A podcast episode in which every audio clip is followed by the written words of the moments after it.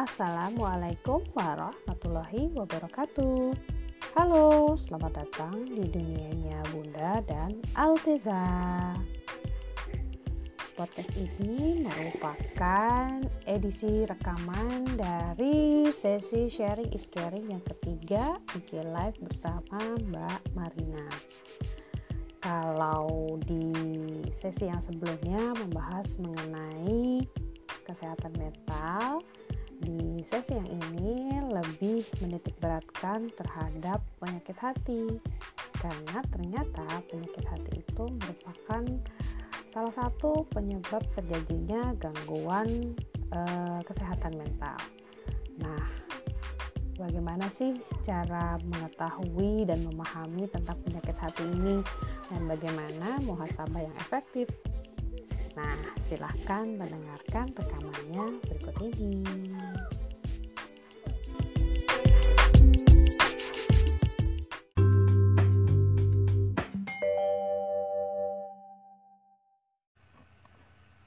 Assalamualaikum warahmatullahi wabarakatuh. Bismillahirrahmanirrahim. Ditunggu dulu sampai ada Mbak Marina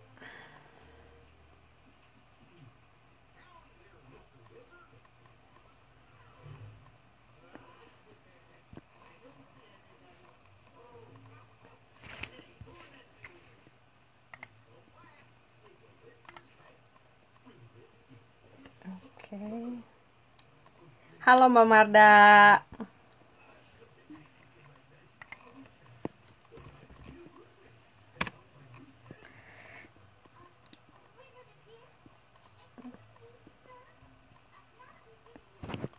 Ya. Maaf ya, aku terlambat. Aku tadi salah melihat jam di Bonsima. Itu masih kurang 5 menit, jadi jamku telat.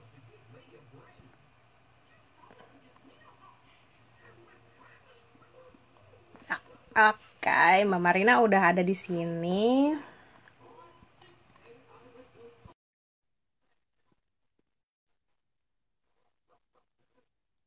Halo Mbak Di.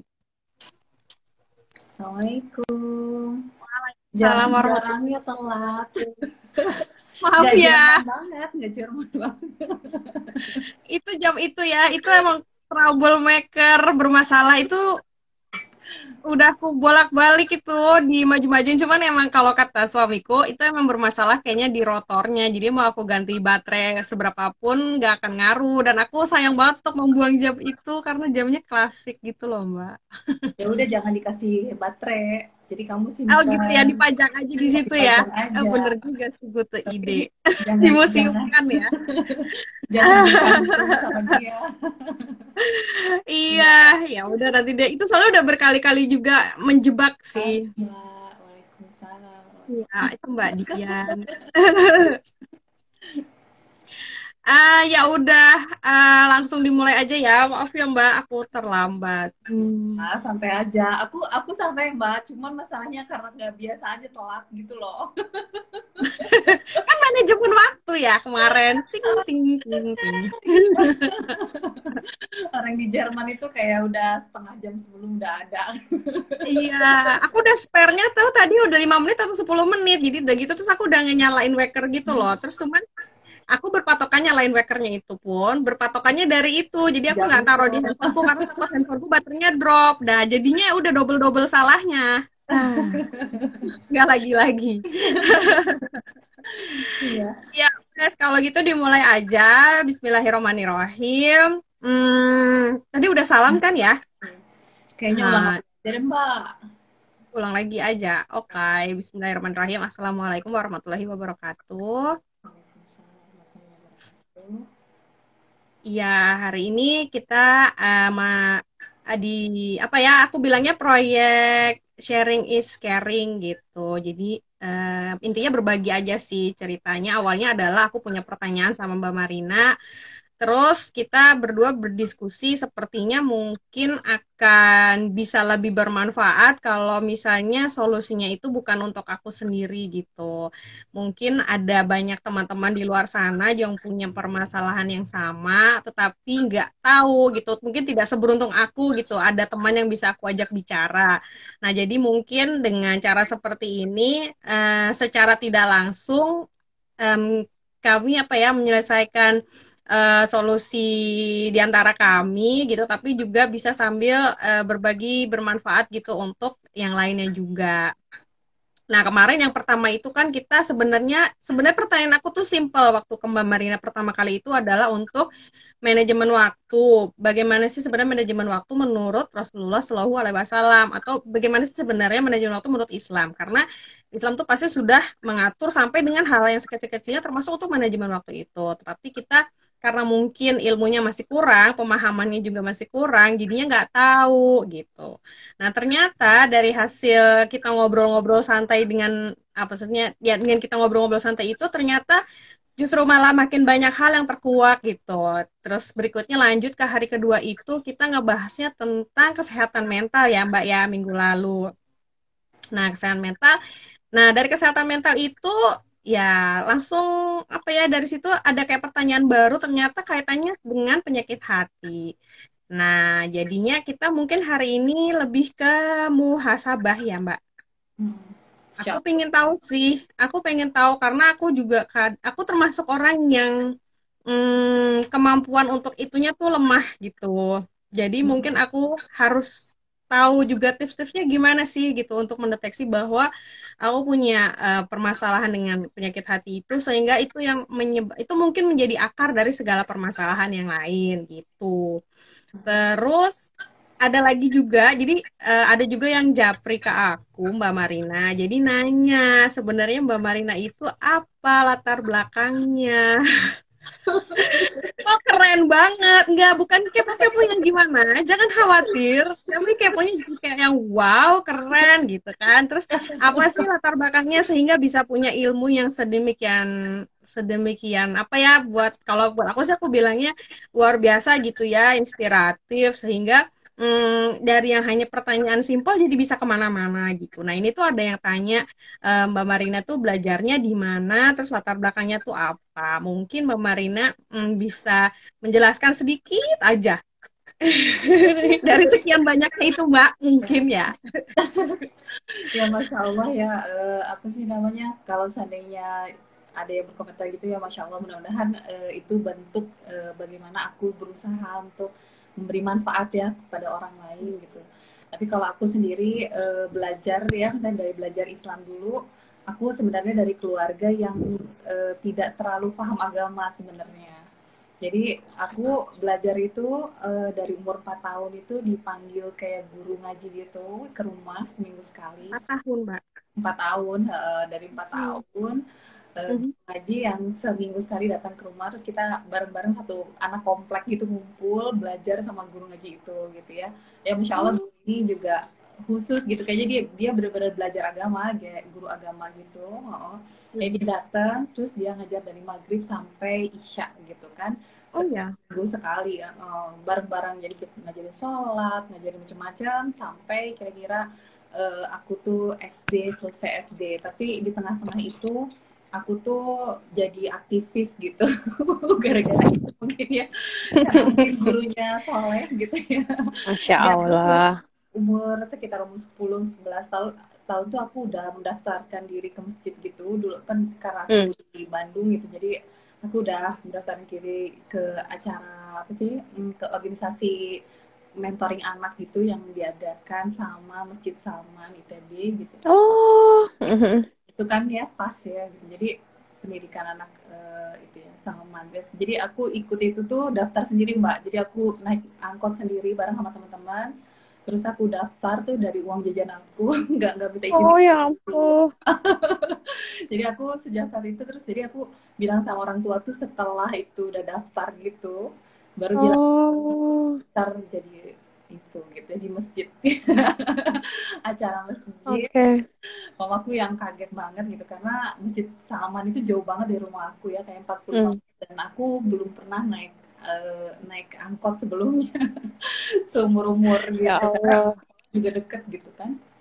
Bisa jalan kaki gitu. Jadi jadi aku udah sejak saat itu aku jadi aktivis tuh aktivis masjid. Jadi aku belajar tuh bisa dikatakan sampai sekarang gitu itu tuh uh, belajar Islam tuh nggak pernah terputus gitu. Jadi uh, dari hmm. guru ke guru yang lain dari mentoring hmm. terus pengajian dari liko kemudian terus gitu ya jadi uh, bisa dikatakan nggak uh, pernah terputus gitu sampai sekarang masya Allah jadi pernah ikut juga pesantren kayak model pesantren kilat kayak apa segala macam yang kayak pelatihan uh, udah pokoknya hmm. aku baca, baca Quran aja uh, untuk memperbaiki tilawah Quran aku aku bisa aku udah belajar sampai ke delapan guru gitu kan jadi hmm. ketika di Indonesia tuh dari guru ini terus pindah ke guru yang lain, terus ke guru yang lain. Di sini pun aku sempat belajar sama orang Syria gitu ya, uh, yang hafidhah. Oh. Jadi uh, terus kemudian dari Indonesia juga yang online. Jadi terus-terusan hmm. gitu. Begitu juga bahasa Arab gitu. Jadi aku belajar itu bisa dikatakan tidak terputus gitu. Makanya jadi mungkin jadi banyak insight gitu dari karena berbagai macam guru mm. dan kemudian uh, walaupun background aku sendiri sebenarnya anak teknik dan anak uh, anak relationship uh, kerja sebagai profesional sebagai data scientist ya di Jerman jadi sebenarnya mungkin secara ilmu mungkin nggak ada relasi dengan agama gitu tapi mm. sebenarnya uh, ketika kita paham agama ya walaupun aku nggak bisa bilang aku udah paham gitu kita aku cuma mm. bisa bilang aku pembelajar gitu orang yang terus belajar jadi ketika mm. kita belajar apa pun jadi akhirnya kita bisa melihat dari sisi agamanya gitu Insya Allah. ini salah satu contoh aku dengar ini ini baru pertama kali loh aku dengarkan jadi aku langsung ting biasa mbak aku langsung ting gitu maksud aku aku uh, aku lagi ini kan tertarik sama fitrah based education kan kalau mungkin Mbak Marina udah pernah dengar ya. Jadi dari cerita yang Mbak Marina itu itu beneran sebenarnya fitrah kita manusia kan emang fitrah belajar ya salah satu di antaranya. Jadi ya memang itu terbukti maksudnya ini beneran contoh nyata di depan mata hidup orang terdekat yang memang yang memang kalau misalnya fitrahnya itu uh, di apa ya dimaksimalkan mungkin ya bahasanya apa ya? Ya dimaksimalkan mungkin dipergunakan dengan sebaik-baiknya ya akan menghasilkan hal yang bermanfaat baik diri buat dirinya sendiri ya terutama dan kaitannya dengan beribadah sama orang dan juga bisa eh beribadah bersama orang beribadah kepada Allah dan juga bisa jadinya bermanfaat untuk amal kepada orang lain juga gitu ya Mbak. Iya, insya Allah jadi harus semangat terus belajar ya. ya jangan jangan ini jangan patah hati. Ya maka dari itu kita bahas tentang ini Mbak supaya kita bisa Ya, muhasabah. Ya. Betul, itulah dia makanya. Baiklah, oke. Jadi pertanyaan aku sekarang adalah gimana Mbak caranya? Ya, jadi kan kemarin kita udah membahas nih ya dari yang pertama adalah bagaimana cara uh, membagi waktu uh, berdasarkan Rasulullah gitu kan bagaimana Rasulullah mm -hmm. tidur terus sholat tahajud terus menghadapi hari harinya gitu kan ya dalam sholat tahajud mm -hmm. sendiri kita uh, harusnya gitu yang terjadi adalah bagaimana Rasulullah tuh sangat istirahat sangat sangat uh, khusyuk dan kemudian dari khusyuknya itu memperbaiki banyak hal gitu ya masalah mm -hmm. hal gitu karena kita tidak akan pernah di bagian yang kedua kita membahas kita tidak akan pernah bisa uh, produktif dalam satu hari kalau kita punya dua masalah masalah mental dan masalah fisik gitu kan ya mm.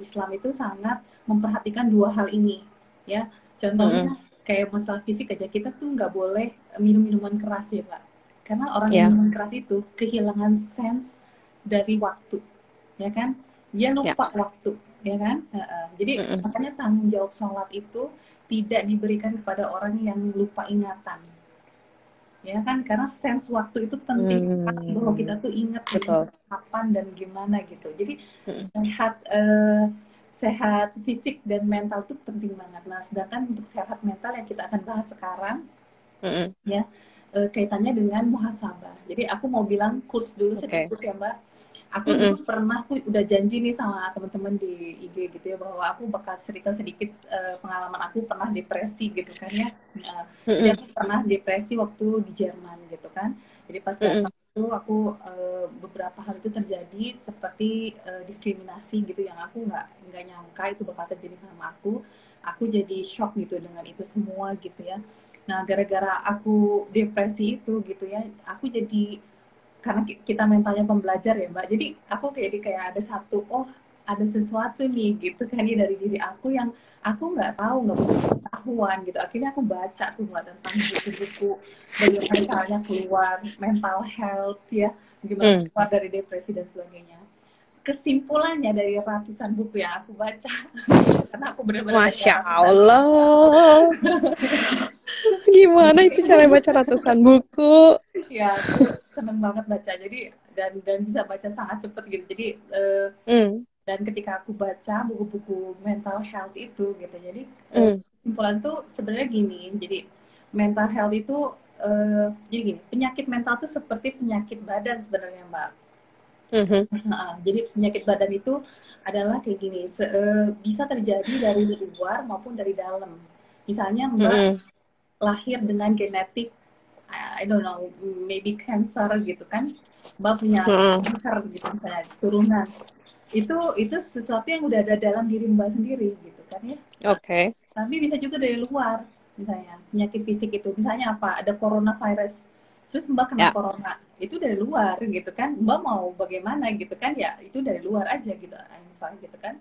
Nah jadi uh, penyakit mental juga ada dua hal itu. Bisa dari luar bisa dari dalam. Mm -hmm. nah gitu ya.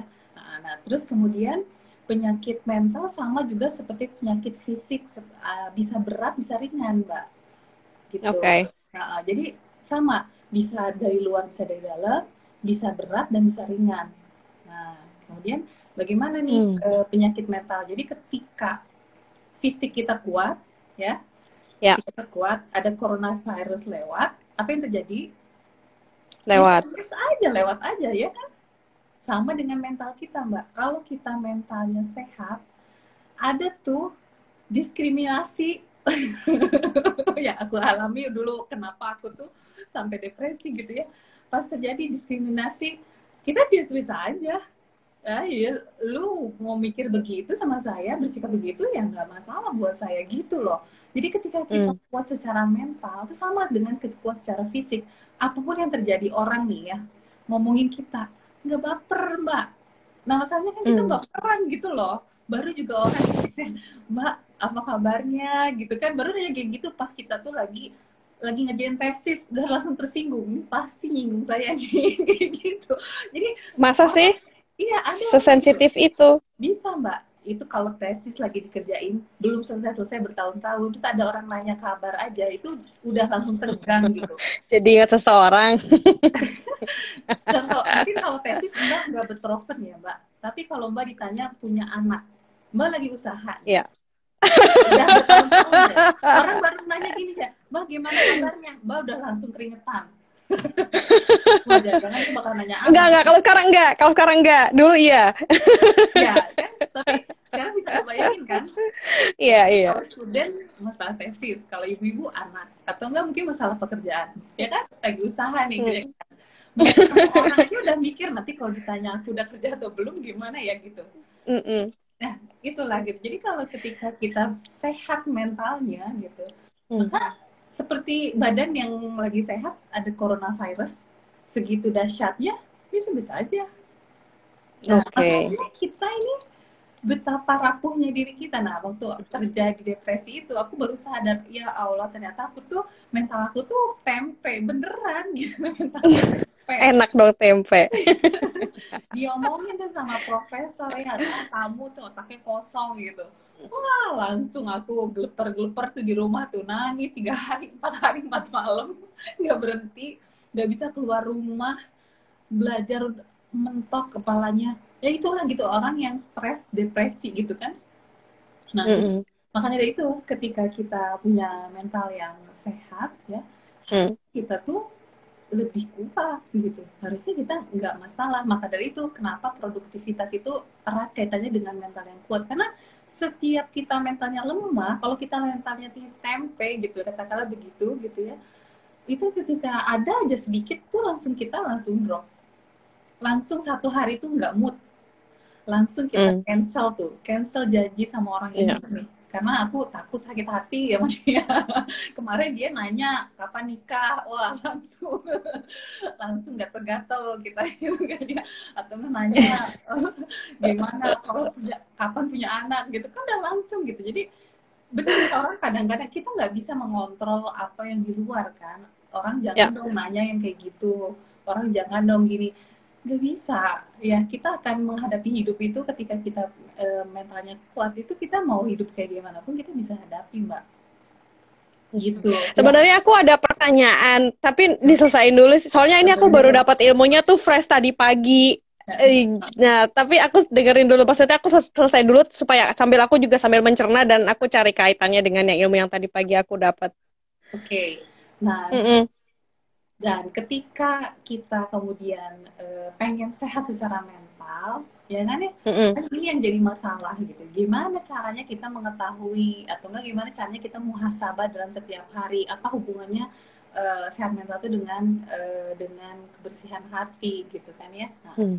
Jadi masya Allah Islam itu sudah membuat sedemikian rupa bahwa sistemnya itu uh, bagaimana kita tuh diminta sama Allah untuk muhasabah terus ya sampai ada bagaimana uh, ilmu membersihkan hati, bagaimana ilmu hati itu, bagaimana Rasulullah mengatakan bahwa ada segumpal darah uh, darah yang ada dalam dirimu, ya, ketika dia baik maka dia baik seluruhnya, yeah. ya kan? Mm -mm. Maka dari itu mm -mm. kalau seandainya kita nih uh, sebenarnya ketika mentalnya kita kuat itu semua bakal kuat gitu. Maka dari itu uh, uh, penting banget muhasabah itu dalam Islam, walaupun walaupun nih ya tergantung hmm. penyakitnya juga. Jadi gini, penyakit mental juga ada yang ringan, ada yang berat.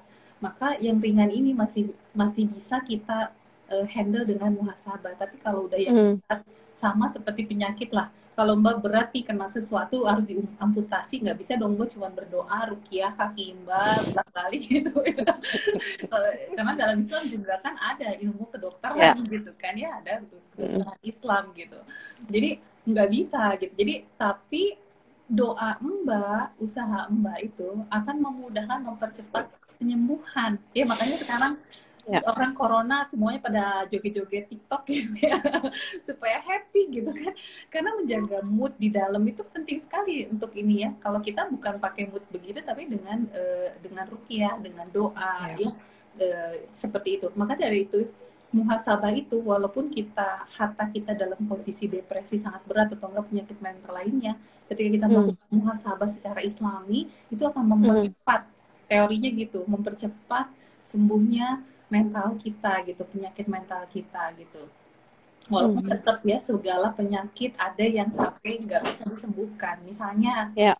misalnya orang yang maaf maaf ya kejeduk sesuatu terus di otaknya terjadi sesuatu terus jadi maaf jadi gila misalnya dia nggak bisa hmm. lain gitu itu kan kita tetap ada takdir Allah, Allah ya. juga harus terima gitu tapi kita tidak membicarakan hal itu gitu tapi kita membicarakan di sini gitu bagaimana kita uh, setiap hari memuhasabah diri kita supaya penyakit-penyakit hati kita ini nggak lanjut menuju ke berat gitu apakah hmm. itu pemicunya itu dari luar maupun dari dalam ya okay. kita berharap mudah-mudahan kita jadi uh, lebih sehat bahkan ya bahkan bisa keluar yep. dari masalah itu gitu. Makanya ini perlu muhasabah kalau muhasabah itu kan kayak kayak apa sih namanya kayak evaluasi gitu dari satu ke sini ke titik ini terus ke titik yang lain ke titik yang ini gitu. Jadi ada yang naik. Tapi kalau seandainya kita nggak punya pengetahuan tentang hal itu muhasabah itu akhirnya jadi kayak apa ya mbak ya kayak menyakiti diri sendiri. Contoh nih ya kita harus okay. husnuzon sama Allah. Ini menarik banget. So kemarin tuh minggu kemarin ada temen mau naik haji. Terus ternyata e, karena dengan kondisi coronavirus ini dibatalkanlah haji tahun ini. Dia langsung -hmm. yang langsung e, chat gitu sama aku terus sedih-sedih gitu kan dia Mbak, aku tuh belum di belum di apa ya, belum di e, diundang sama Allah katanya gitu ya. Aku tuh emang banyak dosa apa gimana gitu ya. Terus kata aku, Mbak, Bu kok mikirnya kayak gitu? Kata aku gitu ya. Mesti uh, ya kan aku husnuzon sama Allah gitu bahwa aku harus memperbaiki diri. Nah menurut mbak itu husnuzon atau suuzon sama Allah? Abu-abu mbak. Abu-abu kan? Susah kan? Nah sekarang aku bilang gini. Kalau mbak husnuzon sama orang itu menyenangkan atau membuat sedih? Happy senang. Happy. kalau husnuzon sama Allah ya harusnya sama ya. Harusnya lebih happy justru ya. Iya. Sesuatu yang lebih membuat happy. Nah jadi jadi bayangin kita tuh saking blanknya dengan masalah mental hmm. kita nggak bisa bedain hus kita tuh husnuzon sama Allah atau seuzon sama Allah. Upsi ya kita blank gitu. Sampai aku bilang gini bu itu namanya suuzon loh. Saya kan bilang oh mungkin saya harus memperbaiki diri. Iya tapi kamu nangis nangis nggak pugu gitu ya ya berarti itu itu bukan bukan husnuzon sama Allah. Kalau husnuzon begini mungkin Allah pengen aku lebih kuat. Aku sekarang lagi olahraga. Mungkin disuruh hmm. olahraga dulu sampai tahun depan supaya lebih kuat. Oh iya ya kan enak di hati. Iya nggak pak? Ini kayaknya ada seseorang yang harus aku suruh lihat deh ntar kalau pulang kerja ya. Bagian tagline olahraganya itu. Oke. Kalau kita husnuzon, ya husnuzon sama orang, husnuzon sama Allah yang lebih penting gitu ya. Kita harusnya tambah seneng dong mikirinnya. Kenapa kita malahan jadi tambah melesek gitu loh. Jadi akhirnya ketika kita muhasabah, kita bukannya berarti kita tidak menangisi dosa-dosa, tapi kita tuh masih ya Allah, aku tuh salah, tapi Engkau maha pengampun begitu, ampunin ya gitu. Jadi jadi apa ya membuat kita tuh jadi uh, happy gitu. Dan ini penting banget mbak, karena kita jadi apa ya uh, bilangnya pengen positif, hmm. ya positif mind tapi yang terjadi malahan menjatuhkan diri sendiri membuat kita sedih. Nah itulah yang terjadi ketika kita muhasabah nangis nangis udah itu tapi nggak nggak membuat kita naik gitu. Sampai akhirnya seharian kita udah bad mood gitu. Makanya muhasabah jadi nggak nggak efektif gitu. Kita uh, udah tahan hmm. kita udah muhasabah tapi muhasabahnya pikirnya negatif terus. Ya emang sih aku tuh belum nikah ya karena emang aku nggak pantas ya wassalam aku tuh emang banyak dosa. Ya wassalam gitu. Itu kalau mikirnya jadi tambah terpuruk ya. Nah nah itu dia. Ya maka dari itu penting sekali untuk melihat hati kita. Kalau aku ya waktu itu kan saking udah baca tuh baca ratusan buku tentang depresi. Sampai mm. bingung kan, bingung yang mana duluan. Too much information malah ya too much information dan bukan cuma too much information too much apa ya istilah-istilah gitu loh yang aku nggak Iya sih kalau psikologi itu emang ya kan? ribet uh, ribet gitu. ya gitu deh hmm. aku dalam posisi yang aku nggak nggak bisa ngebayangin ya uh, manggil apa sih cari psikolog terus ngomong aku ngerasa hmm. kayaknya enggak deh gitu ya terus gimana nih caranya akhirnya aku balik lagi ke dalam solusi Islam gitu ya oh bagaimana ya, mendeteksi uh, penyakit hati. Nah, jadi akhirnya aku mendeteksi dari hal yang paling aku buat sedih hari itu. jadi yang mm -hmm. buat kita isu apa yang paling buat sakit hati kita. Misalnya dalam seharian tuh terjadi banyak kejadian ya mbak ya. Tapi ada satu yang paling atau enggak beberapa yang paling buat kita tuh nyesek gitu. Nah di situlah masalah hati kita yang harus kita perbaiki. Ya misalnya mbak dalam seharian nih oh udah ini ngerjain hmm. ngerjain terus tapi terus akhirnya mbak marah tuh kemarin atau nggak kesel sampai ke ubun-ubun gitu ya. Nah hmm. di situlah masalah hati yang paling penting harus kita uh, segera tangani. Jadi akhirnya aku di saat saat itu akhirnya ya udah setiap hari ketika tahajud tuh aku mikir oh ya kemarin tuh aku shock ya masalah ini gitu. Aku ngerasa drop hmm. karena masalah ini. Oh berarti kamu ada yang salah dengan pikiran kamu. Kenapa? Kamu nggak yakin pertolongan Allah? Kamu nggak ingin hmm. gitu akhirnya di situ kita memperbaiki diri membersihkan hati. Ya berarti kamu nggak tawakal. Ya udah bertaubat. Ya Allah ampuni saya nggak tawakal. Ya Allah beri ketawakalan beri keimanan. Kayak gitu. Jadi apa ya?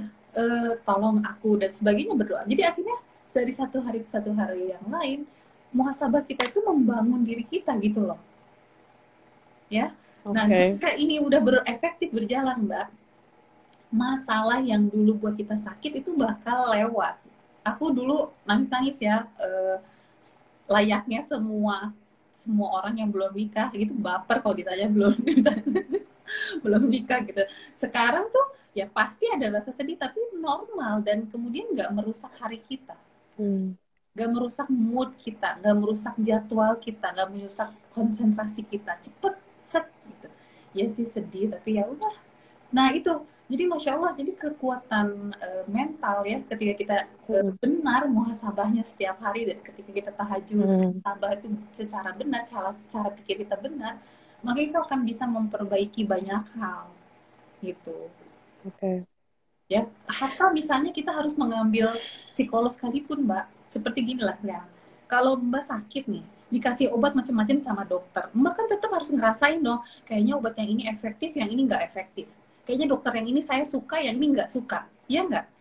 Mbak bakal mm-hmm. memilih oh yang ini kayaknya lebih nyaman buat aku. Coba kalau mbak mati hatinya sehingga nggak bisa membedakan mana yang efektif buat mbak. Itu udah parah banget mbak. Dan di sinilah Islam mm. itu senantiasa ya mengajarkan kita untuk punya self awareness gitu loh terhadap diri kita. Makanya kita suruh disuruh mm-hmm. sahabat penyakit hati tuh gini loh. Model-modelnya ya. Mm-hmm. kalau sombong, sombong tuh kayak gini kalau ujub tuh kayak gini kalau nggak tawakal sama Allah tuh begini kalau kafir tuh seperti ini kalau orang munafik tuh seperti ini semua penyakit itu diurai. Sampai mm. kita bisa benar-benar oh iya ya aku tuh salah di sini loh harusnya begini gitu.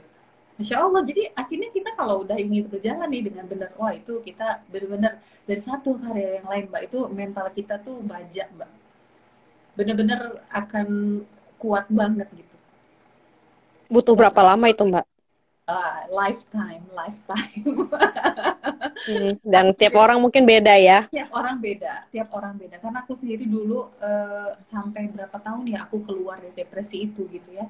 Kayaknya ada empat tahun gitu aku uh, bener-bener struggle dengan depresi itu gitu. Tapi alhamdulillah akhirnya keluar gitu dan mbak bisa lihat sendiri uh, aku hmm. lulus kuliah dengan nilai yang masya Allah gitu ya bagus gitu dan kemudian juga aku sekarang kerja dengan berbagai ceritanya gitu ya bagaimana orang itu uh, apa sih namanya uh, keep doing uh, this gitu ya uh, apa sih namanya diskriminasi. Tapi aku struggle gitu. Aku nggak stres seperti dulu lagi gitu. Pasti ada sedih itu tapi itu nggak segimana pasti ada waktu cepat berdiri lagi ya. Ya dan yang yang lebih uh, lebih bagusnya itu adalah ketika kita tidak menghancurkan diri kita sendiri ketika itu terjadi. Karena orang yang mentalnya tuh nggak kuat pondasinya ketika ada satu hal seperti orang yang tadi ya kalau orang nggak sehat atau enggak udah punya for air kerankung uh, for air apa mbak? Uh, penyakit yang sebelumnya penyakit. lewat tuh corona hancur lah ya kan? Dia akan menghancurkan virus itu dirinya. Nah itu tapi kalau seandainya dia benar-benar sehat, Mbak, corona tuh lewat, paling cuman gitu terus terus aku jadi kepikiran ini jajan aku alergi karena aku ada sesuatu. Iya iya. Karena nanti bakal nyambung lagi dengan fisik karena ini menarik nih, kalau nanti kita ngomongin fisik dan tadi aku menyebut alergi itu menarik karena aku menemukan beberapa fakta dan ini orang-orang sadar bahwa orang-orang Indonesia yang ada di sini setelah beberapa tahun itu ada alergi dan itu kenapa entah gimana kok banyak ibu-ibu ya. itu iya. kayaknya nanti next ya kita bahas. Mungkin ada kira-kira mungkin begini begini begini. Gitu ya. Ya, pada intinya adalah ketika mental kita kuat gitu ya, makanya kita akan produktif dan ketika kita uh, setiap hari muhasabah, ketika kita tahajud itu uh, benar gitu ya caranya, maka itu akan membuat mental kita tuh dari hari ke hari itu waksen gitu, uh, apa ya berkembang gitu dan lebih kuat gitu. Dan ketika kita hmm. uh, kuat mentalnya ya udah ya santai aja gitu. Mau mau apa terjadi itu lebih apa ya mbak? Sedihnya tuh nggak lama. Kayak gitu. Jadi nggak nggak ber, berlarut-larut apalagi sampai negatif thinking apalagi sampai merusak diri sendiri ya self destructive ya. Self destructive itu macam-macam mbak. Misalnya nggak mau makan hmm. atau nggak makan kebanyakan. Order ya feather order feather ya. Kalau nggak ini yang itu gitu kan. Iya terlalu banyak atau terlalu sedikit? Iya terus ya jadi jangan-jangan kita selama ini hidup itu self destructive terus gitu. Apa itu lewat makanan apa itu lewat jadwal yang kita cancel atau kita kabur dari bertemu dengan orang ya. Karena karena sebenarnya Islam itu gini ketika kita memang sehat, sehat fisik mental dan fisik itu ya sebenarnya apa yang diperintahkan Allah itu akan menjadi uh, pembuktian gitu bahwa itulah sehat. Karena kalau karena dia nggak sehat fisik, uh, fisik dan mental nggak akan bisa melaksanakan dengan baik. Contohnya uh, Allah tuh meminta kita misalnya beribadah gitu kan ya. Kalau ibadah haji aja perlu ya, sehat mental dan fisik ya kan? Coba kalau mental kita baper ya kan? Keinjek tuh orang Arab ngomel-ngomel lah kita. Wassalam ya kan? Ibadah kita karena nggak boleh kan bertengkar ya kan? Makanya luar biasa. Jadi semua ibadah yang diminta atau enggak Allah tuh memerintahkan kita apa? Berjamaah. Nggak akan bisa berjamaah mbak kalau baperan. Ya, kan? ya aku langsung evaluasi nih. Ketemu orang nggak mau karena nanti ah nanti menyinggung. Ah nanti kayak gini. Ah nanti begitu. Kan begitu. Nggak mau berjamaah. Ya jadi itu. Terus kemudian disuruh berdakwah perintah berdakwah. Gimana mau berdakwah orang kita baperannya udah level maksimal gitu ya. Kita aja mau ngasih dikasih tahu orang sakit hati gimana kita mau ngasih tahu orang? Ya kan udah bingung sendiri. Akhirnya kita menghindar. Menghindar dari hal-hal perintah-perintah Allah. Karena perintah Allah tuh membutuhkan hmm. kekuatan fisik dan mental. Ya. Jadi berarti kalau kayak para sahabat gitu mentalnya bagus banget ya. Iya begitu dibilang perintah turun langsung ya. jalan gitu. Jalan. Bahkan kalau seandainya dia salah ya sudah. Itu masya Allah ya. Jadi nggak pakai baper-baperan. Ada baper ada. Kayak misalnya. Boleh. Khalid kan? Walid itu uh, baper pas diturunkan sama Umar bin Khattab gitu ya. Uh, Tapi panglima perang. Apa yang dilakukan? Nggak nggak melakukan self destruktif. Misalnya misalnya ah udah aja uh, sabotase aja panglima perang uh, apa sih perangnya. Supaya gagal. Enggak. Atau enggak dia benci aja sama Umar. Enggak. Dia memisahkan diri pindah ke satu kota gitu. Kemudian diam di situ sedih gitu ya. Karena dia ingin ber, ingin berjihad gitu kan ya. Tapi nggak dibolehin gitu karena diturunkan sebagai panglima. Tapi kemudian ya nggak apa-apa gitu. Maksudnya nggak hmm. ada satu jadi dendam kesulitan atau apa. Kesedihan itu wajar ya. Karena kita semua manusia tapi itu nggak membuat kita jadi kehilangan kehilangan diri kita kehilangan amal soleh kita kehilangan hari-hari kita waktu-waktu kita produktivitas kita gitu loh. Ya hmm. makanya kita selalu dikasih waktu kan sama Allah. Makanya kenapa kita membagi waktu itu dengan waktu sholat? Karena waktu sholat itu di waktu kita berhenti masa bahkan kalau aku sih mbak karena sekarang lagi lagi jobless. Jadi aku belum. siap ya insya Allah next amin. Jadi tapi aku nggak baper tenang mbak. Menikmati aku. Kan ada manfaatnya jadinya. Kalau kerja kayak kemarin-kemarin tuh aku cuma nemenin pas Stefan di kereta. Halo mbak. Jadi jadi pasti kita ada waktu-waktunya drop mbak. Gitu itu itu manusiawi banget ya. Tapi itu masya allah gitu ya. Ketika waktu sholat itu aku bener-bener maksimalkan gitu. Tanya lagi oh gimana ya aku tuh tadi dari jam segini begini kok kerasa males ya apa jangan jangan ada sesuatu nih pikiran jelek. Karena semua yang salah di pikiran kita tuh itu akan membuat hasil buah yang salah juga. Apa yang ada di hati kita salah mbak itu langsung kelihatan di dalam tingkah laku kita. Itu tuh kayak kayak instan gitu loh kalau aku melihatnya gitu. Makanya itu oh dia ekstrovert atau iya. introvert? Ya. gak tahu aku langsung kalau introvert kan dia Gak ada hubungan. Gak ada hubungannya. Pokoknya ada di dalam hati. Oke. Okay. Negatif thinking itu langsung impact ada. Terpancar. Langsung, langsung terpancar langsung mbak misalnya buat jadwal jam segini jam segini atau enggak ketemu orang jam segini segini. Mbak hmm. ada pikiran jelek sedikit aja itu langsung uh, energi itu kayak uh, apa ya air shock gitu loh kayak disedot gitu. Makanya kalau aku hmm. selalu curiga kalau aku kenapa ya aku kayak kemarin aku ngerjain tes kan tesnya dari PNG hmm. gitu. Terus pas udah selesai gitu aku langsung yang capek banget gitu kan karena emang satu setengah jam gitu. Terus apa gimana? Terus uh, aku buka puasa bla bla bla sampai malam terus tidur. Pas pagi-pagi tuh aku yang nggak ada tenaga gitu ngapa-ngapain. Terus aku lagi mm. pasti ada masalah nih kemarin. Pas gara-gara PNG ini kamu udah mikir jelek ah Allah tuh nggak akan deh kayaknya uh, apa sih namanya ngurusin aku kayak gini kayak gitu udah udah mikir negatif gitu. Bentar mbak, bentar mbak. Potong apel, potong apel. Potong apel. Oke, boleh tolong bawain apel? Eh, gak usah, gak bisa. Ya udah, bentar mbak, aku sambil jalan. Sambil jalan, iya oke. Okay. Aku bisa ngomong atau enggak? Ngomong-ngomong boleh boleh. Oh. Tapi aku sambil jalan ya. Iya, nggak apa-apa. Jadi apakah kemudian aku langsung curiga gitu kayaknya ada yang salah deh kamu kayaknya mikir negatif deh tentang uh, tentang ujian PNG ini. Gitu. jadi apa ya kita hmm. tuh pasti ada sesuatu ketika kita nggak enak itu tenaga kita habis mbak. Kita nggak akan produktif. Ya, ini kita betul. mau ngerjain apa apa tuh kayak nggak semangat gitu loh. Kayaknya udah pengen kita cancel aja deh gitu. ya. Ya, ya sih betul. Aku ngerasain. Ha, ha. iya nah, iya.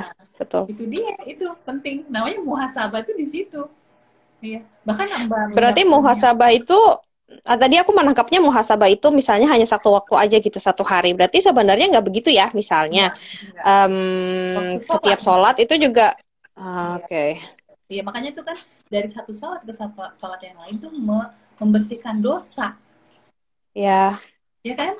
Nah, hmm. jadi nggak ada apa tuh pikiran kita dalam hati kita yang jelek-jelek dibersihkan supaya kita selesai sholat itu semangat lagi gitu.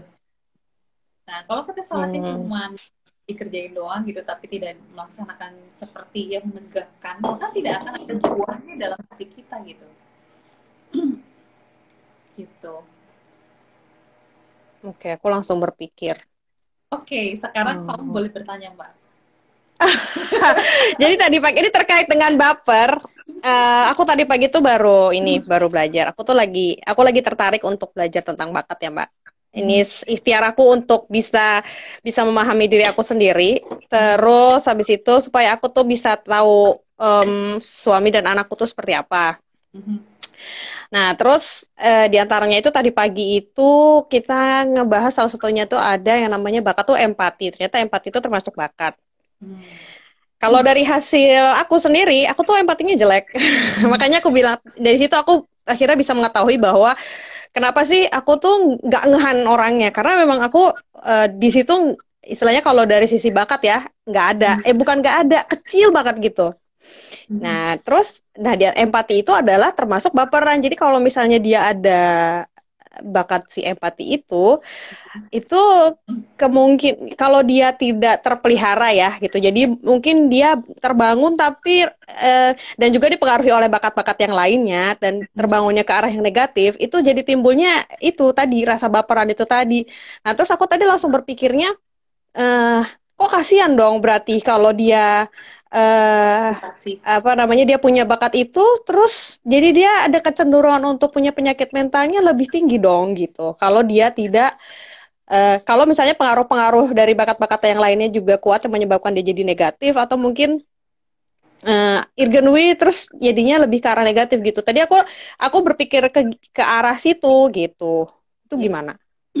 Jadi kan Allah tuh udah mengatakan bahwa manusia itu dilahirkan diciptakan dengan dua dua kemungkinan dengan jalan yang baik, hmm. jalan yang buruk, mana yang dia pilih gitu.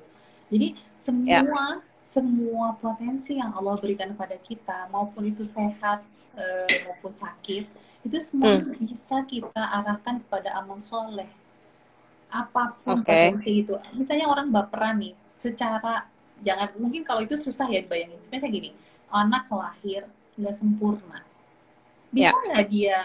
dia punya amal soleh bisa ya yeah. tergantung bagaimana hmm. kita tuh berhandlung uh, me, me, apa sih namanya menghandlung tuh uh, anak ini gitu bagaimana merawat kita merawat anak ini kemudian memaksimalkan potensi sama kita punya baperan nih ya bisa nggak kita jadi punya amal soleh dengan bakat kita yang baperan bisa makanya itu oh, yeah. Islam itu luar biasa makanya ada orang-orang zaman dahulu Rasulullah tuh punya yeah. Ya. uh, uh, penyair-penyair yang perasaannya sangat sensitif, yang pintar sekali memainkan kata-kata dan kemudian mem membalas syair-syair orang-orang orang-orang kafir gitu loh. Oh. Jadi, jadi masya Allah ya Islam itu uh, apa ya? embrace gitu loh. Semua apa yang Allah berikan itu mau baik mau buruk itu sebenarnya hmm. gimana kita mindset pemahaman kita gitu loh. Jadi hmm. ketika kita punya baperan, kita udah tahu nih, oh saya emang punya potensinya baper. Nah, bagaimana caranya baper ini diarahkan, di stop di yang negatif, di diarahkan ke yang positif gitu loh. Jadi selalu ada jalan untuk beramal soleh. Gak ada yang jelek gitu loh. Yang Allah berikan itu, masya Allah kalau Allah sudah memberikan yang terbaik, sama diri kita Iya sih tadi juga ibunya bilang kayak gitu sih. selalu yang terbaik jadi apa pun diri kita cuma masalahnya kita salah ngerti kita dikasih baperan dikiranya supaya sakit hati terus sama orang tersinggung. Ya, supaya Iya sih. melatih diri kita supaya tersinggungnya pada tempat yang benar kan gitu jangan pada Mm-mm. tempat yang ini sama orang yang dikasih kekuatan sama Allah dikasih kekuatan ya itu bagaimana kita melatih supaya kekuatannya itu nggak mukulin orang merusak barang tapi Ya. bantu orang gitu loh mbak jadi semua Kayak Umar ya. Ya, kayak gitu. Jadi semua itu adalah positif gitu. Cuman tergantung, makanya itu tergantung di dalam hatinya. Nah, di sinilah letaknya muhasabah kita itu. Supaya kita tuh sadar, oh saya tuh punya kompetensi A, B, C, D, E, dan saya udah miss brown gitu ya. Ah, Salah menggunakan potensi ini gitu. Saya punya eh, baperan, saya punya orang yang sensitif, tapi kemudian saya pakai tuh di tempat yang salah. Enggak, Bunda nggak bisa di situ dulu. Ini Bunda ini potongin apel dulu ya. Udah di koma gelas oke? Ya, Sorry. ya nggak apa-apa. Nah, kayak gitu ya Mbak. Jadi, jadi insya Allah Ya sih. ketika kita muhasabah terus, kita harus mengukur bahwa me- eh, apa yang Allah berikan ini sudah nggak ada dampaknya kepada perintah-perintah yang Allah minta untuk berdakwah, untuk berjamaah, Hmm. untuk bekerja, ya bekerja Hmm. untuk maisha. Karena ada orang yang stres berat sampai nggak bisa bekerja, nggak produktif banyak mbak, gitu kan ya? Karena pekerjaannya atau karena karena dirinya sendiri dalam posisi stres sama aja aku juga dulu nggak pernah nggak bisa Iya sekolah gitu kan. Nggak bisa melanjutkan sekolah karena apa? Karena aku iya, stres betul, gitu. betul. jadi nggak produktif Mm, orang gitu. Makanya itu kita dulu aku selalu mikir gini karena aku dulu lagi depresi terus juga aku baca buku terus aku perlu lakukan ini ini ini gitu. Sampai yang terakhir itu ya bahwa aku mendeteksi setiap hari apa yang paling sakit aku rasain gitu dari masalah Aha. yang paling nyesek gitu ya. Terus kemudian aku bearbaitan di situ. Gimana aku oh ternyata yang ini yang harus aku perbaiki. Cara pikir aku salah. Cara ini aku nggak berarti nggak husnuzon sama Allah. Aku husnuzon yang dibalut dengan eh suuzon yang dibalut dengan husnuzon. Gitu ya seperti yang tadi kan tadi. Sebenarnya sebenarnya dia suuzon sama Allah gitu. Tapi dia bilang iya tapi ini kan husnuzon gitu ya. Tapi akhirnya jadi membuat kita semakin jatuh gitu kan nah ketika ketika proses itu udah mulai berjalan mbak aku cuma bilang gini pokoknya kamu harus nilai lebih bagus daripada sebelum sebelumnya egal profesornya jahatnya kayak gimana kamu harus lebih bagus. Dan alhamdulillah emang lebih bagus mbak. Alhamdulillah itu nilai terbagus aku dapat 1,7 ya dengan jebakan Batman si profesor yang sama aku gitu. Tapi bisa nilai lulus dengan nilai 1,7 gitu. Masya Allah gitu. Jadi emang benar ternyata ketika kita memang visi, eh, apa namanya secara mental itu semakin kuat mbak itu lifestyle kita hasil kerja kita akan lebih bagus lagi akan lebih sempurna lagi. Karena kita nggak baperan gitu. Kita nggak harusnya aku nanya ini dari kema- dari tahun-tahun sebelumnya ya. udah keburu nggak sekolah kan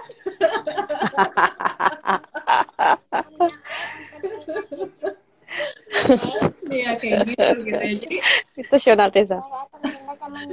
Bunda lagi ngobrol nanti kalau Bunda udah selesai ngobrol nanti Bunda bertemu dengan Teza, oke? Aso, oke.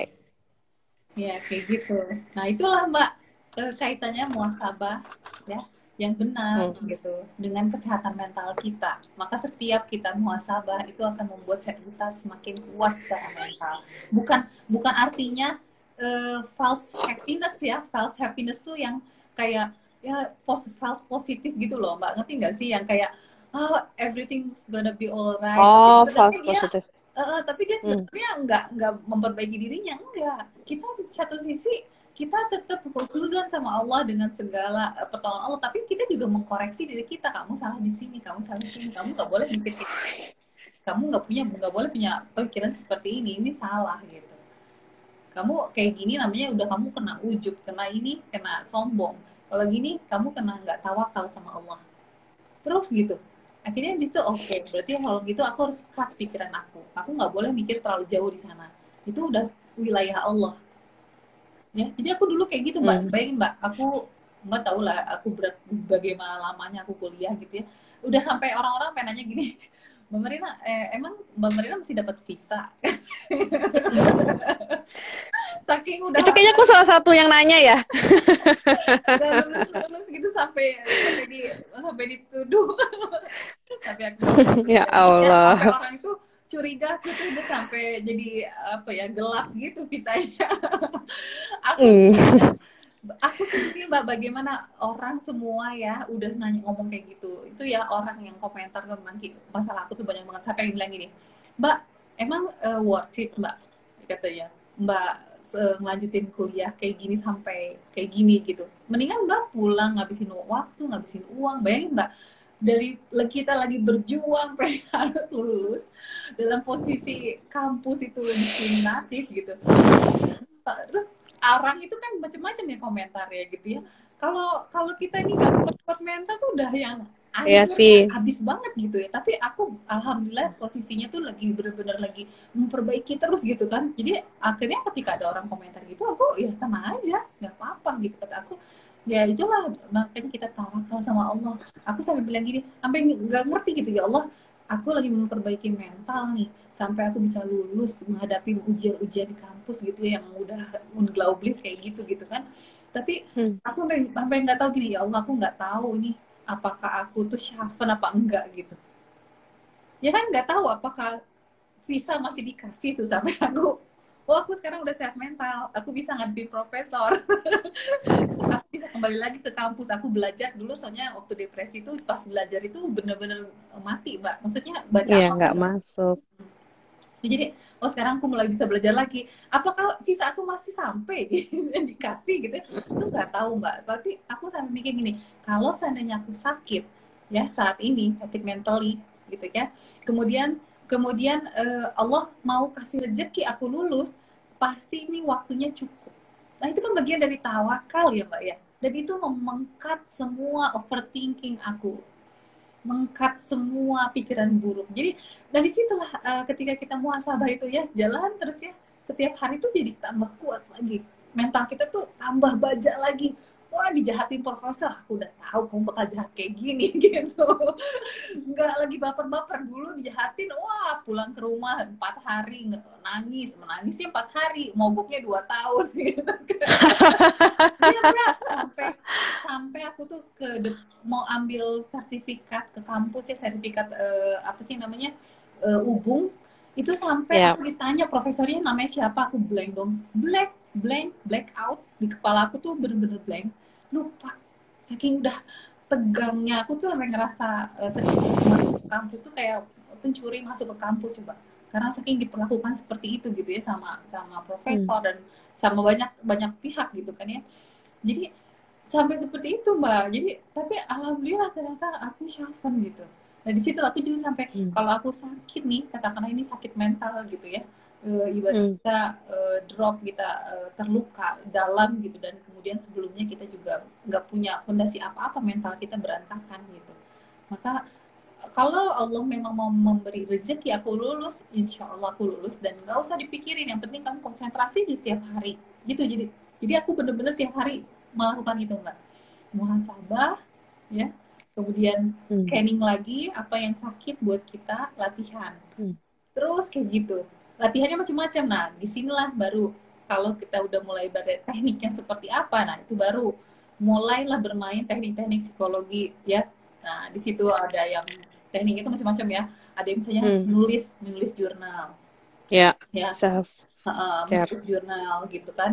Terus kemudian ada yang belajar membayangkan mbak apa yang kita takutkan dibayangkan. Latihan mental gitu. Jadi misalnya aku membayangin muka profesor. Baru satu detik aja aku wah nangisnya udah kayak apa mbak.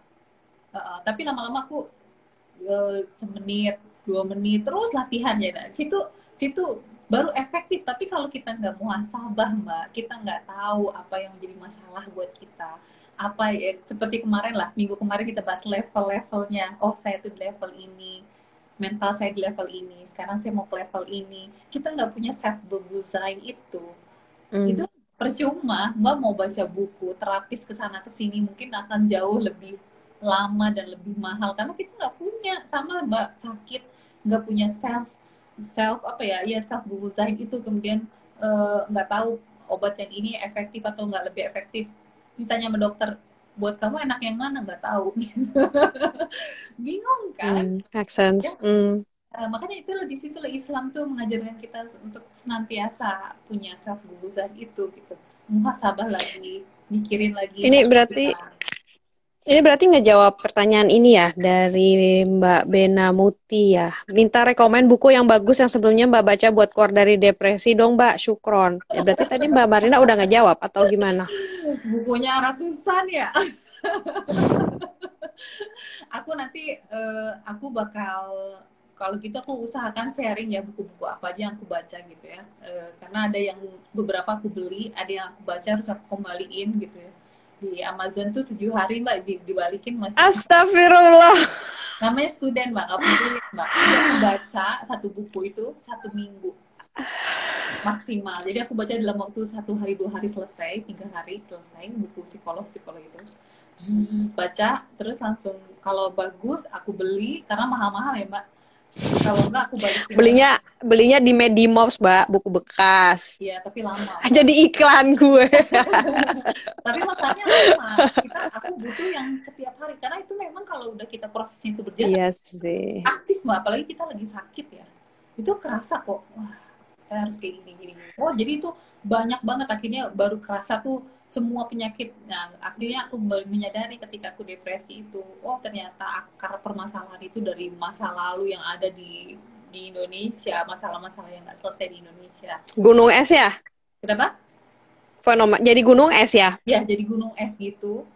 Ya. Terus akhirnya bedak ya terus kemudian aku ngobrol benar itulah makanya jadi baru sadar. Nah makanya setelah itu akhirnya aku belajar seluruhnya. Makanya aku baca buku ratusan.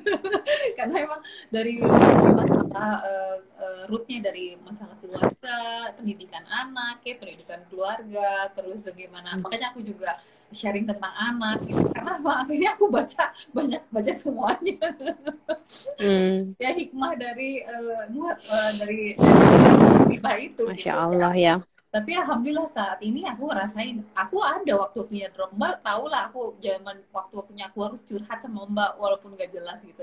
Tapi kan dalam posisi yang itu pertama manusiawi jumlahnya juga nggak eksesif ya. Nah, hmm. nggak sampai harus setiap hari. Karena mbak aku pernah nanganin temen aku bukan nanganin secara langsung ya dalam artian berhadapan dengan orang yang sakit mental mbak. Dan itu sakit mentalnya itu muncul uh, sudah jadi kayak gunung es dari dia kecil. Bagaimana dia dididik sama orang tua. Dan nggak tahu hmm. lagi apa yang terjadi dalam room dalam room dia dan dirinya dia. Dia udah jadi ibu sekian anak gitu ya. Tapi dia hmm. itu pas ketemu aku itu dalam ibaratnya udah meledaknya lah gitu. Itu mbak. Hmm ngomong curhat 6 jam gak berhenti ngomongnya muter aja. Ngeri mbak. Ngeri. Muter. Iya ini kayak gini gini. Iya aku tuh sakit hati sama orang terus ya itu. Ya, itu masalahnya cuma itu itu aja. Tapi ya Allah 6 jam mbak. Itu nggak bohong ya aku. 6 jam 5 jam 4 jam paling paling cepet. Sekali hmm. nelfon itu mbak. Dan itu mbak tahu nggak? Nelfon itu jam satu malam. Bayangin aku lagi tidur satu malam mbak kenapa mbak? Iya aku nangis nangis sampai jam 4 pagi. Bayangin mbak itu orang yang dalam posisi lagi kayak gitu ya. Hmm. sakit ya misalnya sakit secara mental itu kayak gitu gitu. Bener-bener bener-bener dia udah nggak bisa lagi ngontrol dirinya dia udah nggak bisa lagi. Nah ini ya kenapa kita butuh muasabah supaya ini tuh nggak terjadi masalah-masalah kita tuh semuanya punya potensi sakit apa pun mbak bisa jadi potensi besar. Ada orang cuman ketusuk jarum ujung-ujungnya amputasi tangan ada nggak? Ada. Ada. Ada orang yang cuma gara-gara flu kemudian tiba-tiba meninggal ada.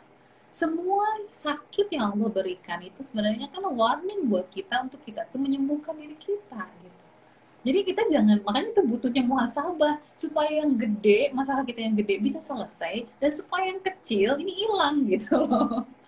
makanya penting banget muhasabah ini. Makanya aduh masya Allah kalau baca buku Tazkiyatun Nafs coba pokoknya baca tentang hmm. kulub ya bahasa masalah hati, masalah kulub dalam Islam.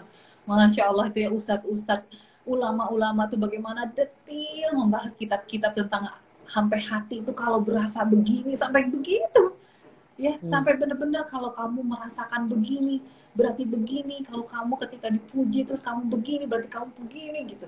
Ketika kamu mau makan ambil yang jauh berarti kamu tuh punya sikap ini kayak gitu Wah, sampai dia tuh sampai kayak gitu. Coba silakan ya dibaca gitu ya. Karena masya Allah Islam itu sangat memperhatikan masalah kesehatan hati. Karena ya itulah berdasarkan hadis Rasulullah ya kan ada segumpal darah yang ada di dalam uh, dalam sini dalam dada kamu ya kalau ketika itu sehat sehat seluruhnya ketika itu sakit sakit seluruhnya. Jadi makanya kita tuh bener-bener harus keep watching ya sama hatinya ya makanya muhasabah tuh mega mega super witty sangat sangat penting. Karena itu masalah yang besar jadi jadi kecil masalah yang kecil jadi hilang. Jadi besar. Ya. Last question okay. um, terkait dengan muhasabah itu tadi ya kecil jadi besar besar dan kecil mm-hmm. tiap orang berbeda dan apakah Nih, tadi termasuk juga ini ada pertanyaan dari Mbak Marda ya. Selain baca-baca muhasabah, ada peran dari pihak luar juga nggak yang membantu keluar dari depresi? Itu pertanyaan aku sama. Perlu nggak kita ada bantuan dari orang lain? Ya, makanya tadi aku bilang bahwa yang namanya penyakit mental itu ada yang apa sih namanya berat dan ada yang ringan, ya kan? Nah, sama, hmm. sama seperti penyakit. Kalau misalnya cuma flu-flu kita makan e, pertama kalau kita sakit itu dalam Islam pertama rukiah dulu gitu ya. Misalnya yut yut yut, yut. Hmm. Bismillah, Bismillah, Bismillah, baca doa, terus kemudian di kalau itu nggak terjadi, nggak sembuh, kita rukiah yang besar. Kalau itu nggak terjadi, baru makan obat, baru ke dokter. Jadi ada hmm. ada tahapannya, levelnya. Sama kita juga menghadapi masalah hati ini juga ada levelnya. Nah, makanya di situ kita harus paham. Kenapa?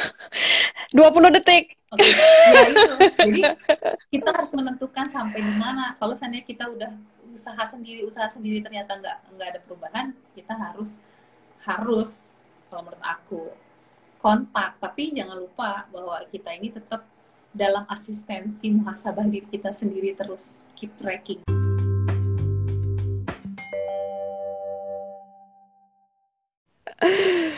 Ah, seru banget, seru banget ini pembahasannya sama Mbak Marina. Uh, sampai lupa waktunya dan ini mungkin nanti dilanjutin sebentar aja untuk penutup dari Mbak Marina kesimpulannya dan sarannya tipsnya apa. Terus sama nanti closing kali ya.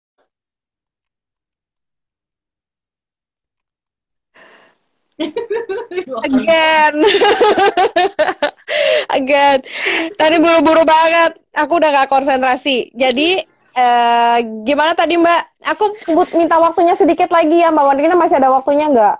Ya, Oke. Oke, sip sip. Iya. Jadi tadi di, diulang lagi ya. Jadi mm-hmm. kita harus tahu karena dalam Islam itu tidak menafikan ilmu dengan dokter itu gitu kan ya. Mm. Juga ilmu kesehatan mental karena karena ada orang-orang yang memang dalam mm. otaknya itu terjadi sesuatu misalnya secara kimiawi ada sesuatu ya yang membuat dia tuh memang nggak bisa ngontrol itu gitu ya makanya okay. itu sebenarnya yang yang kita harus tahu paham tuh kita tuh udah sampai di mana gitu kalau kita udah depresi terus kita udah tangani sendiri ini ini ini seperti yang tadi aku bilang gitu terus ternyata di titik tertentu oh ini nggak get ya kita harus sama kita ke sama sakit juga sama ketika kita memang udah nggak get ya kita harus ke dokter ke yang bukan berarti menafikan sama sekali dokter dan itu nggak perlu obat dan sebagainya enggak tapi hmm. tapi itu bukan yang pertama gitu. Itu bukan step yang pertama gitu. Ya karena kita dalam Islam tuh punya punya sistem ini. Dan ketika sistem ini berjalan dengan baik sebenarnya mungkin bisa dikatakan aku nggak bisa bilang berapa persen ya. Aku sebagai orang statistik nggak punya penelitian itu gitu. Cuma itu pastinya itu menjadi sesuatu yang uh, uh, sesuatu yang apa sih namanya secara main itu akan menyelesaikan masalah.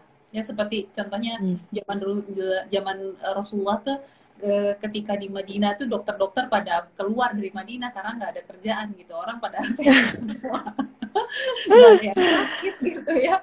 Jadi ya gimana nggak punya pekerjaan? Ya orang pada sakit eh pada sehat. Ya itu. Jadi Islam tuh sebenarnya ketika sistemnya berjalan dengan baik sebenarnya Allah akan menolong kita ya.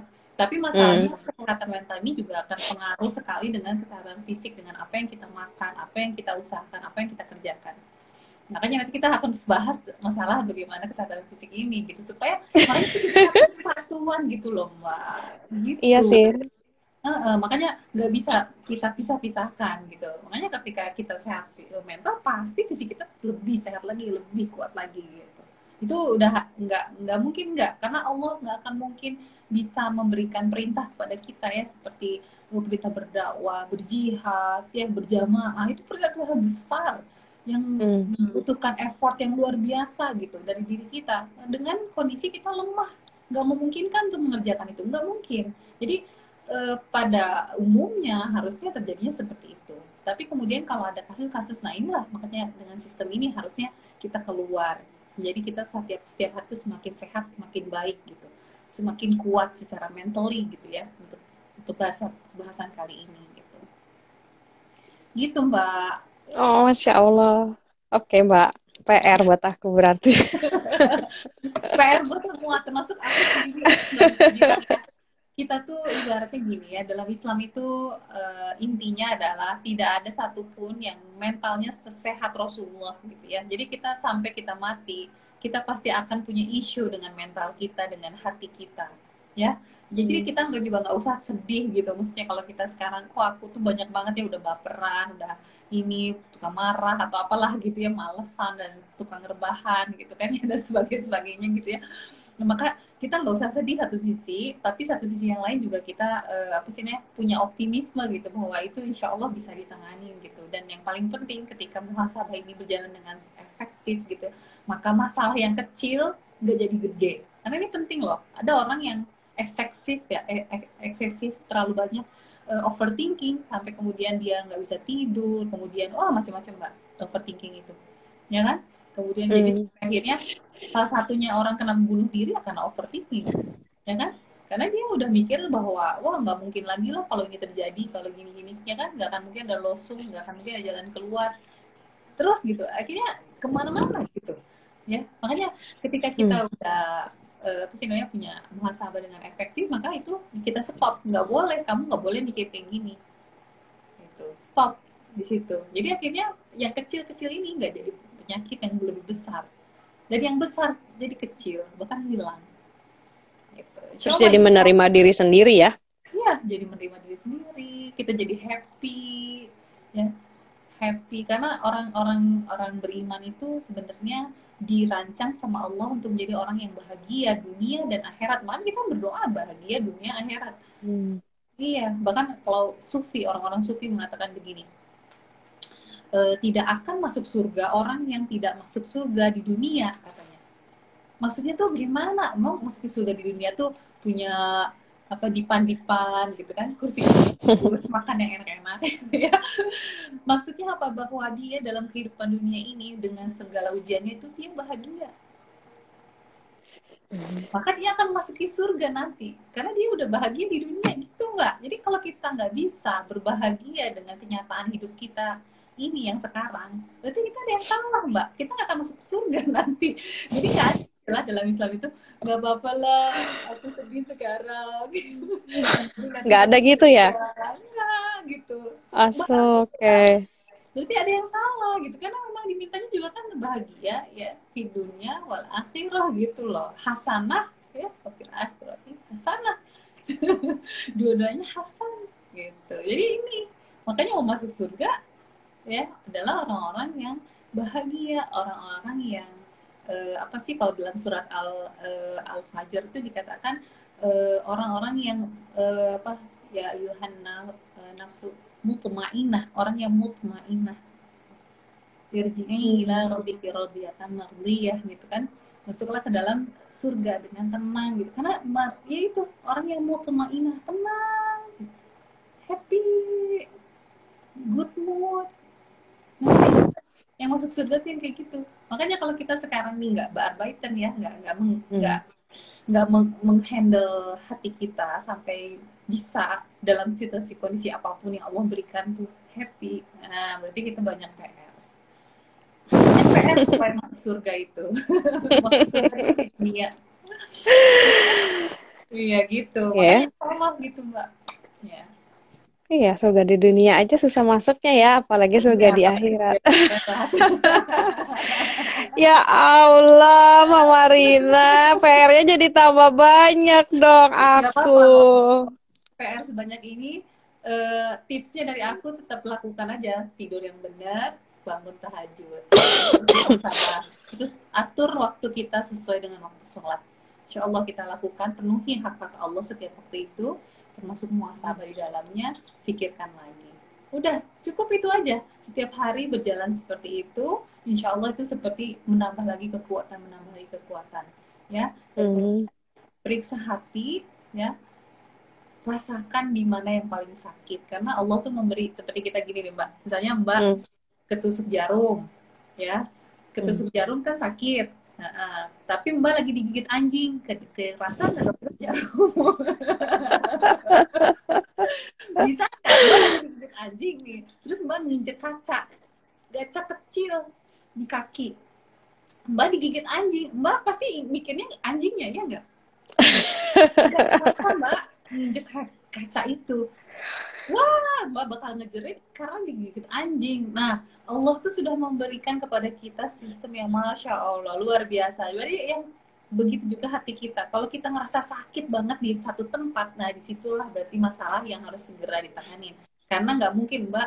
Bentar-bentar sento ten, apa tensoplas dulu dong kaki aku. Anjingnya dimina dan gigit nggak mungkin. Mbak pasti pukul anjingnya gimana supaya dia lepas. Baru setelah itu baru ngeh. Oh iya ya kaki aku berdarah gitu loh. Ya enggak hmm. Jadi sistem ini tuh masya allah Allah tuh udah memberi kita tuh banyak sekali apa ya hal-hal yang fitrah gitu ya. Termasuk untuk meng, meng, apa sih menghandle diri kita sendiri. Bagaimana kita mengobati diri kita sendiri. Kita tuh ada gitu, sistem itu. Cuman kita tuh nggak pernah tahu gitu kan ya. Nggak pernah memikirkan tidak pernah mentafakuri apa yang Allah berikan kepada diri kita gitu loh. Makanya ya masya Allah. Ya jadi jadi ketika kita lagi memperbaiki hati pun sama ketika mbak ngerasa oh sakit banget ya aku tuh. Hmm. kemarin ketemu si orang itu diomongin gini nyelekit banget rasanya. Nah di situlah penyakit hati mbak yang paling masalah. Karena sebenarnya kalau kita sehat mental kita ketemu siapa pun itu sakitnya nggak akan mungkin berlebih-lebihan. Sakit biasa normal tapi setelah itu tidak merusak hati kita, tidak merusak keimanan kita, tidak merusak hari-hari kita, tidak merusak mood, tidak merusak schedule kita, produktivitas hmm. kita. Insya Allah gitu mbak. Boleh nanya satu lagi nggak? Tiba-tiba kepikiran. Aku, aku nggak apa-apa mbak ya aku khawatir. Iya. Untung aku nggak di timer, aku biasanya udah dikasih timer nih. Mana si telur tadi? Aku tadi soalnya juga itu di, di pasang timer sama dia. Astaga. Aku tiba-tiba jadi kepikir gini ya. Hmm, ketika uh, orang yang misalnya sak sakit mental kan mungkin juga berlevel-level ya, Mbak. Hmm, yeah. Apakah uh, jadi orang yang punya sakit mentalnya di bawah, dia kemungkinan akan bisa bertemannya sama yang di level yang sama gitu. Bisa nggak sih kayak begitu? Maksudnya atau itu nggak harus build kayak roller? Maksudnya berteman kayak gimana ya? Ber bisa kontak sama orang gitu atau itu algemain aja. Jadi kayak misalnya uh, aku punya penyakit hati tapi penyakit hatinya nggak berat-berat amat gitu. Hmm tapi bukan yang depresi ya maksudnya yang cuman sekedar mungkin aku cuman aku baperan aja gitu. Nah terus um, jadinya aku cuman bisa berteman sama orang yang, yang lagi. bapernya levelnya sama kayak aku. Ya, aku nggak akan ya. bisa berteman sama orang yang bapernya levelnya lebih berat daripada aku. Atau ya. mungkin misalnya yang itu yang panjang angan. Jadi aku bisa bertemannya sama orang yang punya panjang angannya selevel sama aku gitu. Itu bisa kayak begitu nggak mbak ada gak sih kayak begitu? ya gitulah ya, makanya orang yang sakit biasanya dikumpulkan, makanya gitu kan di surga juga dikumpulkan sama yang sama. Astagfirullah. Neraka juga dikumpulkan sama yang sejenis sifat-sifatnya sama. Ya sebenarnya itu kayak apa ya? Kalau menurut aku itu udah eh, secara natural ya bahwa orang yang punya penyakit hati apa itu bakal bertemu dengan yang begitu lagi gitu, yang sama lagi, kemudian dia di situ gitu Makanya ini di sini ya uh, pentingnya ketika uh, kita memahami ya memahami level-level kita. Jadi hmm. kita kalau udah tahu nih, oh saya tuh baperan. Kalau kita sudah mau memahami bahwa level kita ya, oh saya tuh di sini. Nah kita ada temen yang bagus nih, sebenarnya mentalnya kuat. Kita masih bisa temenan sama dia karena kita menyadari. Hmm. Makanya orang begitu menyadari bahwa oh saya ini levelnya di bawah makanya tuh masya Allah ya ketika kita muhasabah mbak walaupun kita lagi jatuh jatuhnya lagi depresi lagi banyak masalah ya mental kita lagi jelek banget tapi ketika kita muhasabah dan menyadari diri kita bisa loh temenan sama yang mentalnya oke oke kemudian berguru sama dia jadi coach hmm. dia. Kita mau menerima itu karena kita menyadari kalau kita nggak muhasabah yang yang terjadi apa? Oh dia mah emang jahat banget mulutnya ngomong pasti nyelekit terus sama saya lah. Yang padahal yang salah dia. Jadi gini ya jadi sebelum tunjuk orang lain tunjuk diri sendiri dulu. Ya. makanya itu itu kan ya. muhasabah tuh itu. Intinya iya sih. itu. Ya kan? Hmm. uh, makanya makanya di situlah uh, apa sih namanya uh, yang kita harus benar-benar pikirin gitu. Maksudnya ketika kita sudah muhasabah dengan sehat ya cara-caranya begitu yang benar gitu. Maka insya Allah kita di posisi mana pun itu kita akan semakin baik gitu. Kita akan sanggup tuh berteman dengan orang-orang yang uh, apa sih yang lebih kuat dan kemudian kita belajar dari dia. Dan ketika kita melihat orang yang di bawah juga kita jadi kasihan juga sama Bantu, dia ya. kan? Membantu. Kayak gitu. Jadi masya allah ya muasabah ini emang luar biasa ya. Sampai kapan pun kita sampai mati kita nggak akan ada orang yang sempurna. Perfect itu nggak ada. Ya makanya yang kita lakukan adalah sekarang dan setiap hari kita kita jadikan satu sistem ini ya sistem produktivitas dari memperbaiki jiwa kemudian nanti fisik gitu ya hmm. sampai kita benar-benar produktif seperti yang Allah mau gitu. Hmm. Insya Allah gitu mbak oke okay. banyak PR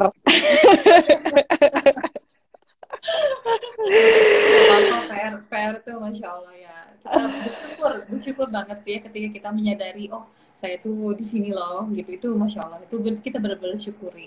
Itu salah satu petunjuk Allah ya daripada kita nggak hmm. menyadari kemudian tidak bisa belajar gitu. mengambil pelajaran dari apa yang terjadi dengan diri kita ya. Oh insya Allah kita semua tuh udah ada di dalam hati mbak. Jadi coba hmm. di, di tera, terawang hatinya kalau ada orang ngomong gini sakit hati. Kalau tuh jadi begini sakit hati. Oh berarti saya tuh masih lemah di situ berarti saya tuh kurang di sini. Oh saya tuh selalu kalau ada masalah begini langsung overthinking. Oh saya tuh langsung apa sih namanya uh, tegang. Ya tegang. Langsung di sini tegang. Ya gitu. Oh berarti saya tuh ada salah nih. Ada yang di sini salah karena makanya itu reaksi reaksi di badan gitu kan. Ya ada hmm. yang di sini salah gitu. Gitu.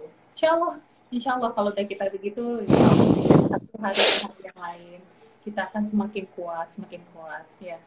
Insya Allah. Masih nyambung kan antara satu sampai tiga ini? Iya. Iya.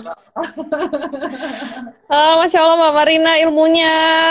Uh, meskipun Udah. jadi tambah PR tapi nggak apa-apa sih. Uh, ini ya maksudnya input lah supaya kita bisa bisa ke arah yang lebih baik. Ya, kasih gitu. kasih prioritas Aku. mbak, jangan juga overwhelming dengan PR ya, maksudnya dapat ya, ya. Uh, prioritas. Priority. Yang tadi, yang tadi ya, rasain mm -hmm. menurut mbak apa yang paling buat mbak tuh buat lemah atau nggak paling menyakitkan seperti tadi digigit anjing tadi gitu ya, paling momen yang ah, nah itulah yang mm. ya Allah tuh ngasih kok petunjuk. Aku kadang-kadang ya sekarang udah baca ratusan buku psikologi itu gitu, akhirnya sampai udah mm. udah udah udah udah, udah, udah sekarang udah tinggal mikir aja so sekarang Allah ngasih tahu aku ke mana? Gitu. Ternyata oh menurut Allah yang ini isu yang ini terus yang ini. Satu gitu mbak di, di, jalanin alhamdulillah. Ya sekarang ya seperti ini sekarang alhamdulillah. Insya Allah. Gitu mbak aku speechless. ah, masya Allah, Mbak Marina, makasih banyak ya ilmunya. Ya, aku tuh cuman, aku suka banget maksudnya aku kenapa Hmm, aku ya itu tadi aku balik lagi aku tuh kalau sama orang nih so good sebenarnya karena ya setelah aku mem mempelajari ilmu-ilmu aku tahu oh iya memang kurang sini tapi maksudnya uh, ketika sama Mbak Marina itu banyak informasi gitu kan. Dan aku memang suka di situ belajar dapat ilmu baru segala macam input itu. Aku suka. Makanya aku sama Mbak Marina tuh nyambung ngobrolnya gitu. Karena aku Ya gitu nih, aku cuma nanya simple gitu kan, tapi Mbak tuh ngejelasin dengan panjang lebar dan aku nggak sulit gitu untuk memahami itu gitu. Masya Allah Mbak Barina, aku papa terus gak apa-apa ya. juga alhamdulillah kalau dari aku yang bisa, uh, aku pakai kemudian bisa bermanfaat buat orang gitu ya, sistem yang hmm. kayak gitu ya. Jadi pokoknya pada intinya Islam tuh mudah sekali dan sederhana, mm. tapi kita harus memahami. Harus dengan ilmu gitu ya. Jadi ketika kita uh, mengerti ilmunya itu masya Allah itu benar-benar satu sistem yang mungkin sekali kita gunakan dan bakal membuat kita selamat dunia akhirat dan sederhana, nggak terlalu banyak teori ya. Yeah. dan makbar ya kalau orang Jerman bilang makbar itu uh, bisa dikerjakan gitu ya nggak banyak teori nggak banyak istilah karena kalau udah istilah tuh banyak banget lah wah tentang self care aja. Wah banyak depresi ya, betul. wah banyak banyak banget. Aku udah sampai pusing. Hmm. sampai ada ininya asesmennya uh, dalam skala yeah. segini sampai segini. Waduh apa dihitung-hitung jumlahnya. Waduh. Kalau kita pengen tahu kita penyakit hati atau enggak kita mentally sehat atau enggak aja harus buat tes sampai panjang kayak gitu gimana? Aku baru mau buat riset di situ. riset nggak apa-apa mbak, tapi kalau hari-hari itu nggak makbar, ya nggak? Ya. Hmm. Iya, yang makbar itu ya udah kita duduk habis sholat, mikir perintah Allah apa yang nggak kita kerjakan, kenapa kita nggak bisa kita kerjakan, ya kan? Apa yang kita hmm. sakit hati kah, sedih kah, yang berlebih-lebihan, yang harus ditangani segera.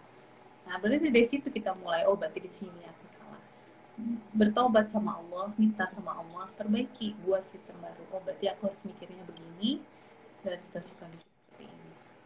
Gitu. Insya Allah. Jadi udah sedikit, sedikit, sedikit setiap sholat, duduk lagi, ya, mikir lagi. Wah, tadi udah ngomelin anak nih sampai level ini. level sembilan mendekati kemarahannya gitu ya. Nanti kan, oh berarti ada masalah apa? ada ada bubuk kos aku iya ada masalah apa gitu kan oh kenapa sih aku marah di di hmm. oh masalahnya ini gini gini terus kemudian kita definisikan oke okay, masalah ini kayak gimana ngadepinnya. Buat level-level ya. Makanya yang hmm. yang belum denger uh, ke uh, apa sih namanya minggu kemarin itu penting banget untuk level-levelnya itu ya. Bagaimana kita menentukan di mana level kita termasuk orang lain ya kan? Jadi ketika kita wah lagi kesel sama satu masalah misalnya sama siapa ya misalnya uh, dengan orang tua atau dengan anak atau dengan suami atau dengan apa pun gitu ya dengan orang yang lain gitu. Kemudian kita oh ya kita harus lihat oh level dia di sini. Kita nggak bisa ngarepin dia begini. Ya kan? Misalnya kita hmm. punya mungkin keluarga yang lagi stres atau enggak lagi sakit ya secara mental atau enggak secara fisik.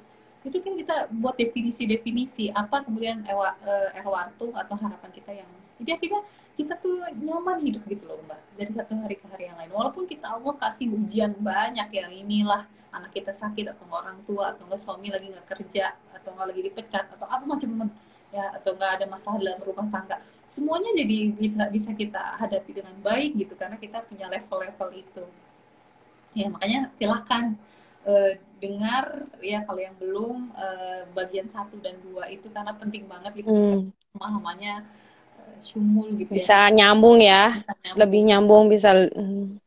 gitu.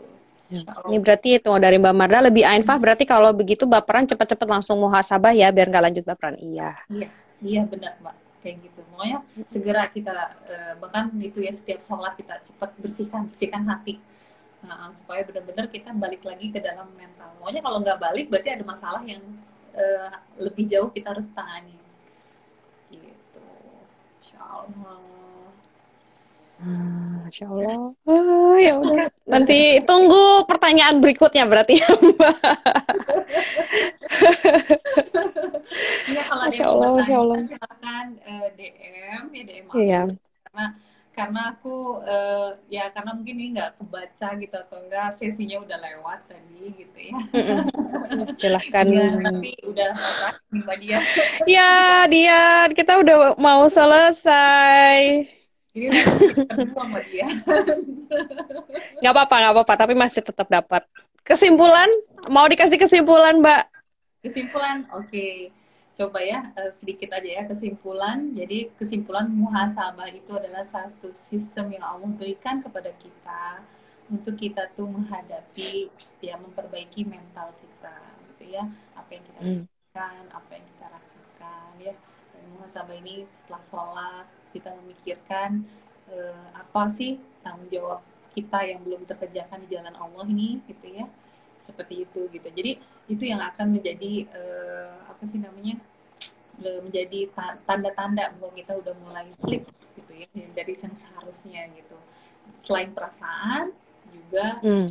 ibadah-ibadah yang Allah perintahkan ya seperti ibadah hari-hari mulai males atau mau berjamaah berdakwah kerja ya menanggung beban atau apa pun gitu ya nah itu juga hmm. uh, salah satu yang harus kita terus uh, apa sih namanya pikirkan oh ternyata saya nggak amanah ngurus anak misalnya. Oh nggak amanah ngurus oh keluarga. Oh nggak sabar ngadepin suami atau apa gitu kan. Nggak sabar dengan apa. Oh berarti ada yang salah gitu. Nah kemudian kita perbaiki. Oh mungkin cara pikir kita salah mungkin kita gimana? Udah suuzon sama orang suuzon sama Allah. Hmm. punya penyakit hati merasa diri lebih paling benar merasa macam-macam lah ya Eh, dan atau enggak tentang tetangga mungkin kita iri mungkin kita dengki mungkin kita ya macam-macam. Ya penyakit hati silahkan eh, dipelajari apa aja penyakit hati dan bagaimana cara menanganinya. Tapi insya Allah itu eh, muhasabah ini akan sangat menentukan produktivitas kita kesehatan mental dan fisik kita. Ya pada end pada akhirnya kesehatan eh, produktivitas kita. Insya Allah gitu seperti itu. Makanya kerjakan muhasabahnya jangan setahun hmm. sekali muhasabahnya pas lebaran doang.